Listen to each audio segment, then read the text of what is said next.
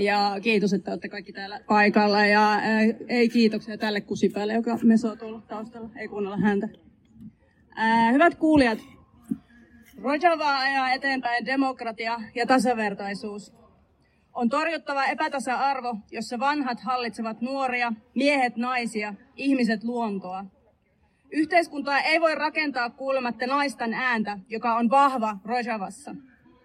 Naiset eivät puutu mistään toimesta, koulutuksesta tai päätöksenteosta, eivätkä pysy piilossa.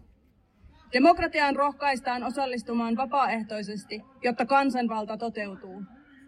Rojavan yhteiskunnan yhtenä peruspilarina on ekologisuus, jota ei voi irrottaa muista elämän osa-alueista.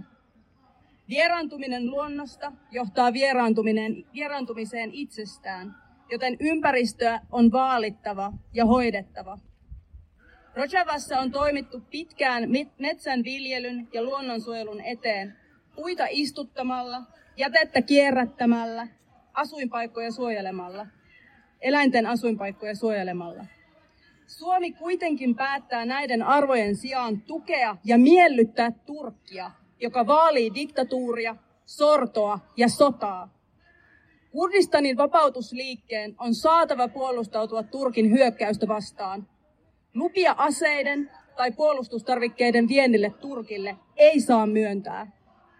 Vaadimme ihmisoikeuksiin perustuvaa ulkopolitiikkaa ja ennen kaikkea vaadimme loppua presidentti Erdoganin ja hänen oikeus- ja kehitys AKP-puolueensa kurdien ihmisoikeuksia räikeästi rikkovalle ja sortavalle autoritääriselle politiikalle. Alas Erdogan ja AKP! Ylös Kurdistanin vapautusliike! Eläköön Kurdistanin vapautusliike!